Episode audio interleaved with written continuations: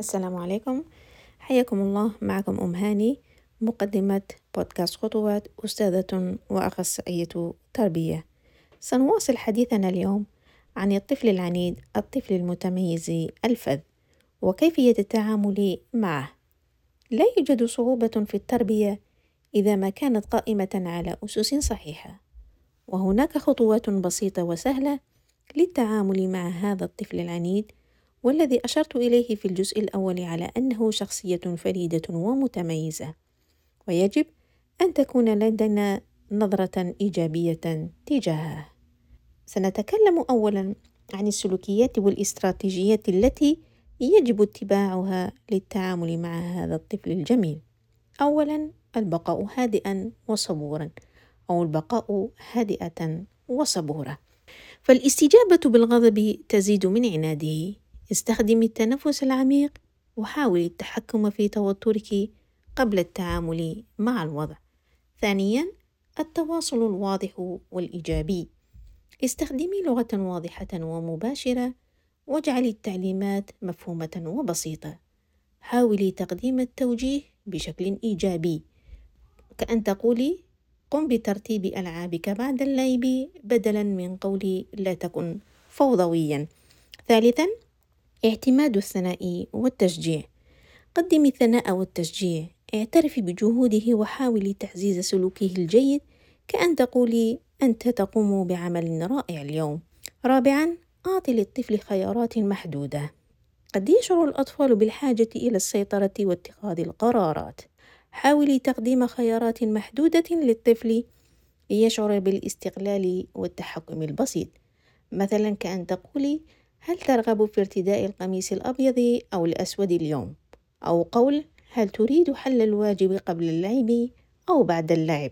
خامسا تحديد الحدود والقواعد ضعي حدودا واضحة للتصرفات غير المقبولة واشرحي للطفل النتائج المحتملة عند عدم الامتثال لتلك القواعد سادسا احترام مشاعر الطفل قد يكون العناد عند الطفل ناجما عن عدم قدرته عن التعبير عن مشاعره بشكل صحيح.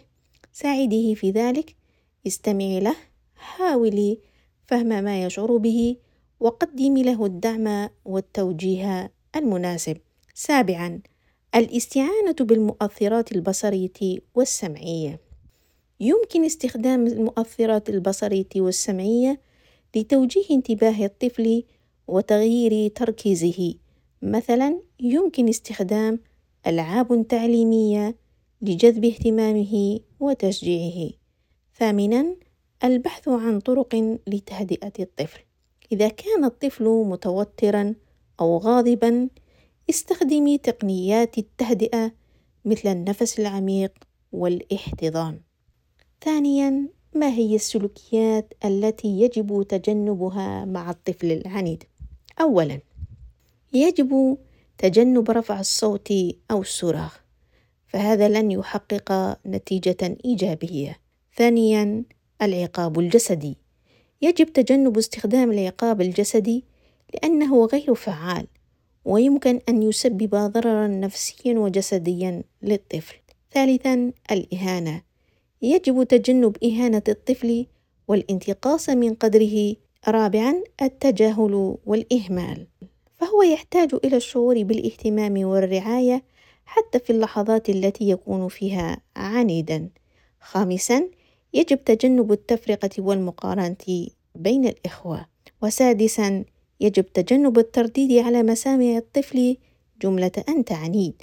وابتعدي أيضا عن الدلل الزائد وتلبية رغبات الطفل مهما كانت. تجنب هذه السلوكيات المؤذية يساعد في بناء علاقة صحية ومتوازنة مع الطفل، ويعزز فرصة تحقيق تغيير إيجابي في سلوكه العنيد. كانت هذه خطوات التعامل مع هذا التحدي وإلى لقاء قريب مع تحديات أخرى والسلام عليكم ورحمة الله وبركاته